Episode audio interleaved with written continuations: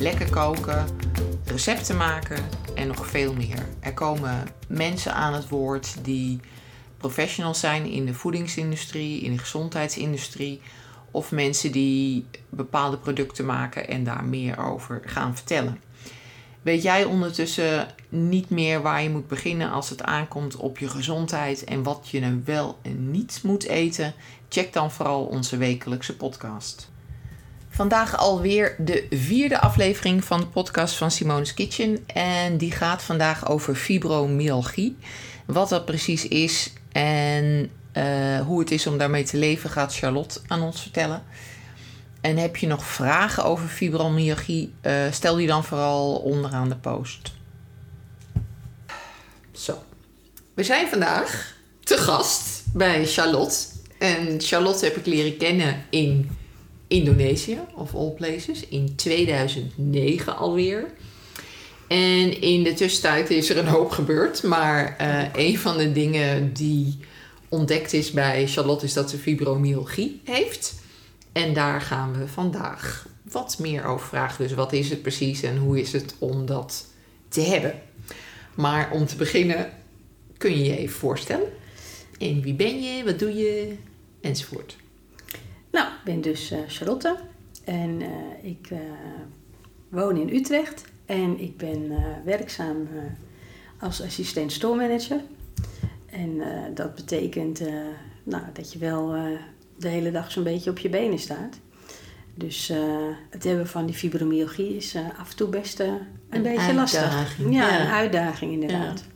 En wat kun je een beetje vertellen hoe het bij jou, of hoe je het ontdekt hebt eigenlijk? Want ik weet dat je eerst al best wel klachten had, maar dat niet echt duidelijk was waar het nou vandaan kwam.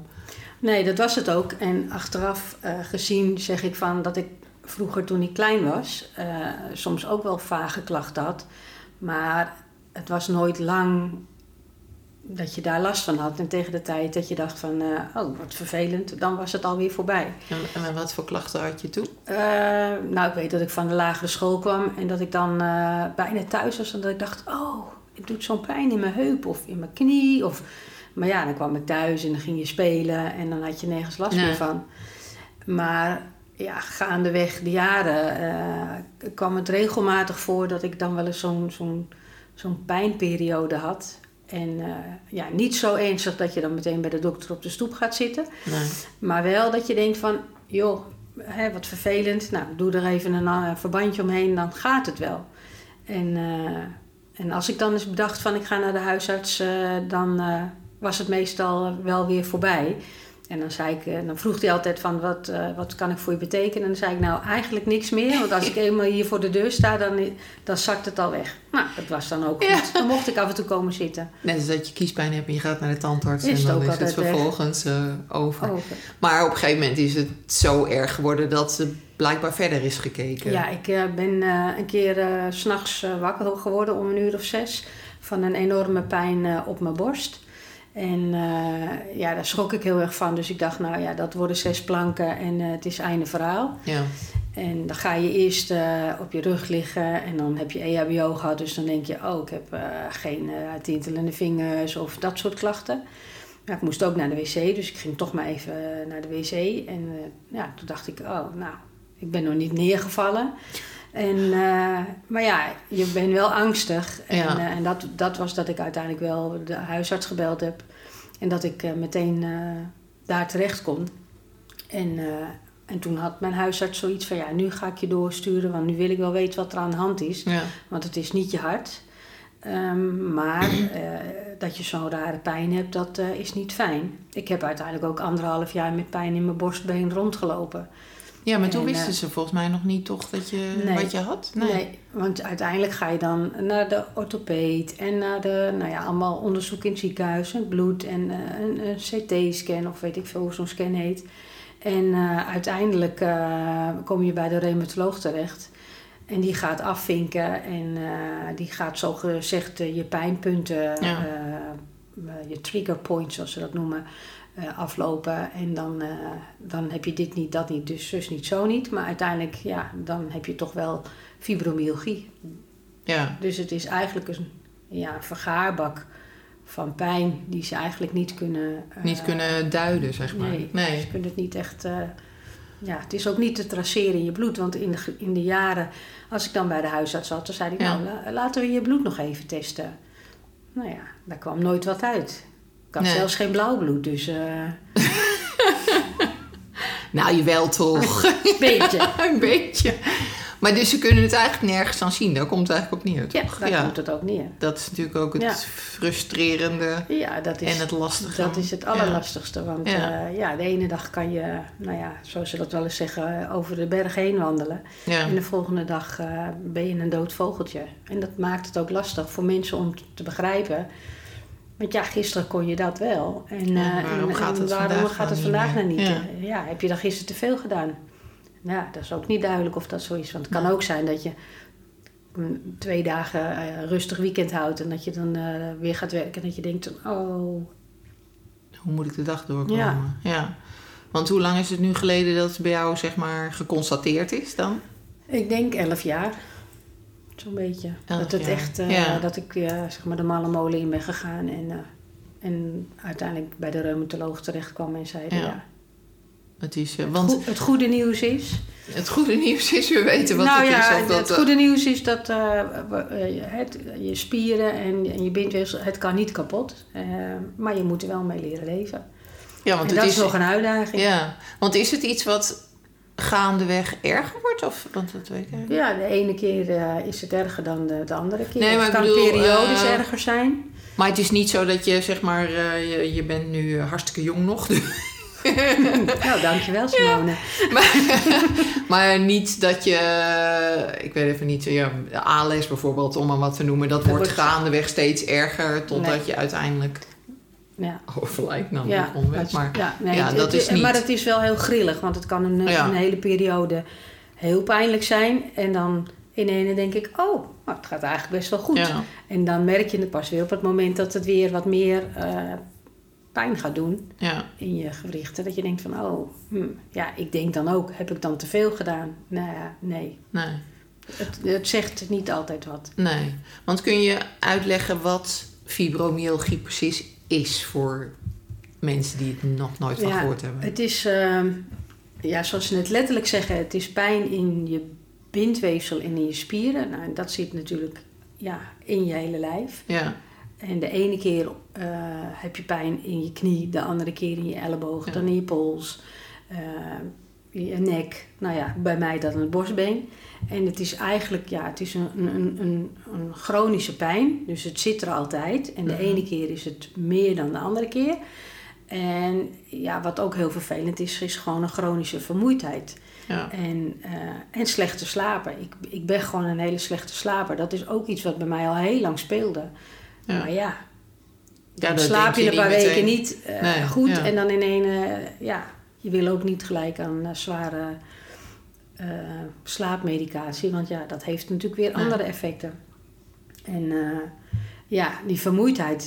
ja, ik heb het op mijn werk ook wel eens. Dan zeggen mensen, ja, ik heb zo slecht geslapen. Dan denk ik, ja, welkom in mijn wereld. Ik slaap Ja. nooit goed. Maar het is, het is gewoon die chronische vermoeidheid. Ja, dat ziet de mens niet. Nee. Maar sowieso natuurlijk, want het is een ziekte die niet aan de buitenkant te zien is. Nee. Dus dat maakt het denk dat ik maakt ook het heel lastig. Ja. heel lastig. Ja. Ja, mijn huisarts zei eh, destijds ook van... Ja, je had beter wat kunnen breken, want dan zien mensen het... en dan krijg je ook eh, Ja. de, de juiste aandacht ervoor. Ja. En eh, ja, dit zal voor jou extra lastig zijn om daar begrip voor te krijgen. ja. En dat blijkt ook wel, ja. Want zijn er dingen die je kan doen of kan slikken om het draaglijker te maken? Of is eigenlijk Nou. ja, een standaard pijnstiller waarschijnlijk? Ja, maar dat is eigenlijk eh, het enige wat ze dan zeggen. En ik eh, weet van een vriendin van mij... die heeft ook amitriptyline eh geslikt. Of slikt ze nog, dat weet ik niet helemaal zeker meer. Maar ja, dat is een antidepressiva. En dat wil ik gewoon niet, want daar Nee, zitten nog weer zoveel bijwerkingen erbij.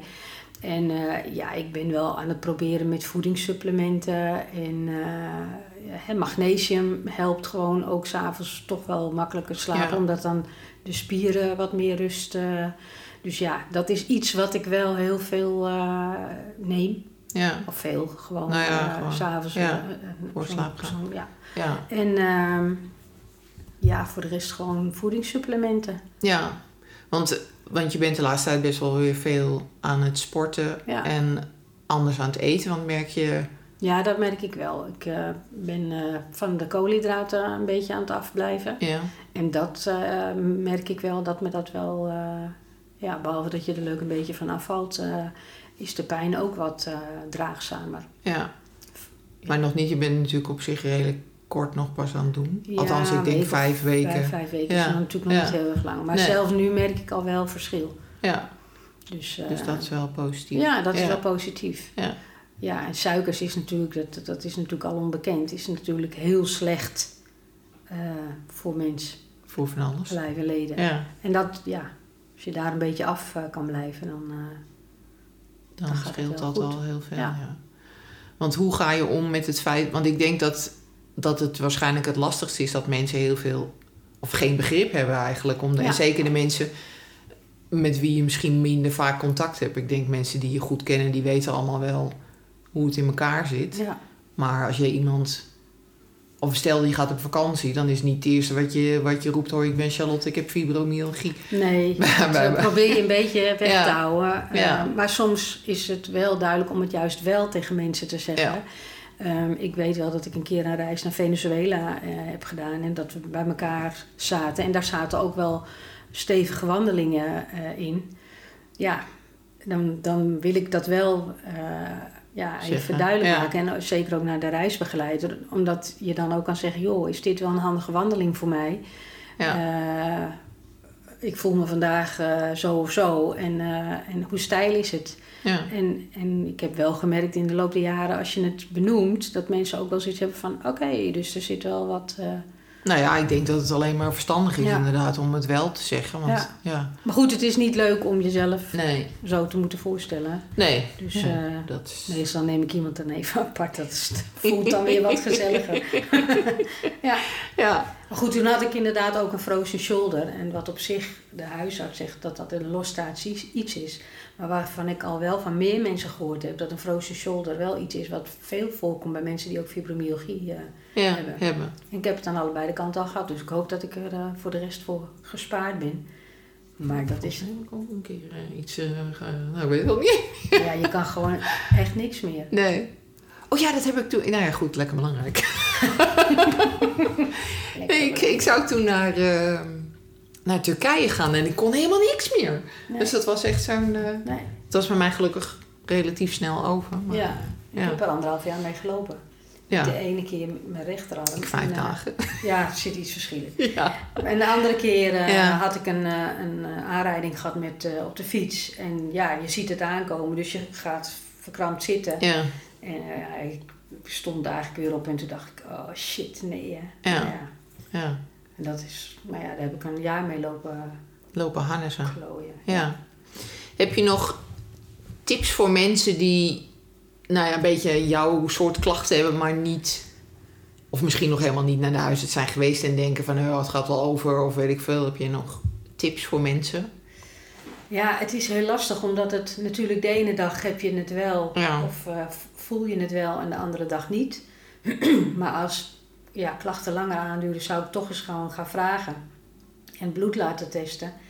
En Ja. komt daar niks uit, dan eh, kan het heel goed zijn dat je wel fibromyalgie hebt. Ja. Maar zijn ook andere dingen uitgesloten. En dat is, dat is wel fijn, want als je heel lang vage klachten hebt, dan Ja, je moet je langzaam vanzelf maken. hypochonder en dan ja. denk je, oh, dan heb ik nu dit of dat. ja. En vooral s'nachts, want ja, dan lig je en dan ontwikkelt die pijn zich veel meer. En dan krijg je, ja, dat ja, je wakker er gaat liggen. op, op Dan denk je, oh, wat nou voel ik het hier, wat zal dat dan zijn? Dan ga je meer piekeren. En piekeren helpt natuurlijk niet, dat, dat weet ik ondertussen ook wel. Ja. ja, en als je eenmaal weet wat het is, dan... Dan kan je, Kan je het wat eh, beter ja, een wat rustiger geven, eh, ja. en denken, oké, Ja. hier rustig blijven liggen. Eh, morgen slaap ik waarschijnlijk wel weer goed. Ja, want het was uiteindelijk een reumatoloog die Ja. de diagnose stelt, want dat Ja. zal waarschijnlijk dan altijd zo zijn. Ja, de Ja. reumatoloog die, eh, ja, die vindt de andere soorten van reuma eh, weg. Ja, Want daar, dat komt dus wel uit het bloed, maar fibromyalgie niet dus. Nee. Vandaar dat dat dan wel eruit. eh, Ja, dus het is echt puur gebaseerd op symptomen en dat Ja. soort ja, dingen. De, de trigger point. Ja, ja. En er zou- wordt nu wel weer meer, meer onderzoek naar gedaan. Want ze hebben ook wel ontdekt dat waarschijnlijk in het bloed een te hoog, eh, ja, moet ik het goed zeggen, eh, concentratie aan pijnprikkels eh, zitten. Dus te veel Ja. bloed. In, de- in het bloed zitten te veel zenuwcellen. En daardoor eh, is er waarschijnlijk een verkeerde connectie tussen wat er in je hersenen aan bij de pijnprikkels binnenkomen ja. komt. En dat het eigenlijk geen pijn is, maar dat die prikkel wel door de, doorgegeven wordt naar je, Hersenpan. Je, je, je plekje waar dan die pijn eh, zit. Ja, Want dat kan niet kapot, maar de pijn zit er wel. En bij fibromyalgie werd altijd gezegd, ja, het zit tussen je oren. Dat klinkt natuurlijk heel onaardig, alsof je... eh, Alsof het eh, psychisch- alsof je het jezelf fijn bedenkt, vindt ja. eh, om pijn te hebben. En, en, en nu zeg ik wel, het zit wel tussen je oren, maar dat komt omdat er hierboven toch in het pannetje een een soort kortsluiting. kortsluiting ja. is. Dus, Nou, je bent er maar klaar mee. nee, eigenlijk Nee, niet. ja. Wat je krijgt mag je houden. Ja. En ja, dat is vervelend soms. ja. Want hoe ga je er in het dagelijks leven mee om? Want dat is denk ik... Dat lijkt me het lastigste eerlijk gezegd. Ja. Ja. Ja, de ene dag gaat het lekkerder dan de andere dag. Ja. En eh, ik merk wel dat als je eenmaal op je werk bent en je bent ja, toch bezig, dan, dan zit het er wel, maar ben je vaak drukker met andere Mhm. dingen. Dus eh, schuif je het makkelijker naar de achtergrond. Maar zodra het zes uur is en ik eh, naar, mijn- naar mijn tram loop, dan denk ik, oh shit, nou doet het toch wel heel erg pijn. En Ja. dan ben ik blij dat ik zit. En als ik dan twintig minuten later uit de tram stap, dan ben ik net een oud wijf. Ja. En, eh, en dan denk ik, ik kan ook eigenlijk niet meer normaal lopen. ja. Dus dat is wel... Maar ja, dat zie je, ja. zien de Dat mensen zien de mensen niet aan de buitenkant. Nou, volgens mij eh, Duidelijk. duidelijk. nou, dankjewel dat je, Ja, dat je het eh, gedaan. wilde vertellen. Sorry voor het enigszins abrupte einde aan het interview, maar nou ja, wat we daarna vertelden was niet heel erg eh, relevant. Maar ehm, ja, alsnog bedankt aan Charlotte dat ze haar verhaal wilde doen. En heb je vragen over fibromyalgie, eh, stel die dan vooral eh, hieronder in de comments als je op mijn blog luistert. Ehm, en dan zal ik die zelf of Charlotte beantwoorden. En dankjewel voor het luisteren weer. Leuk dat je weer geluisterd hebt naar een aflevering van de podcast van Simone's Kitchen. En check voor meer informatie op de site simone'skitchen.nl. En anders zie ik je volgende week.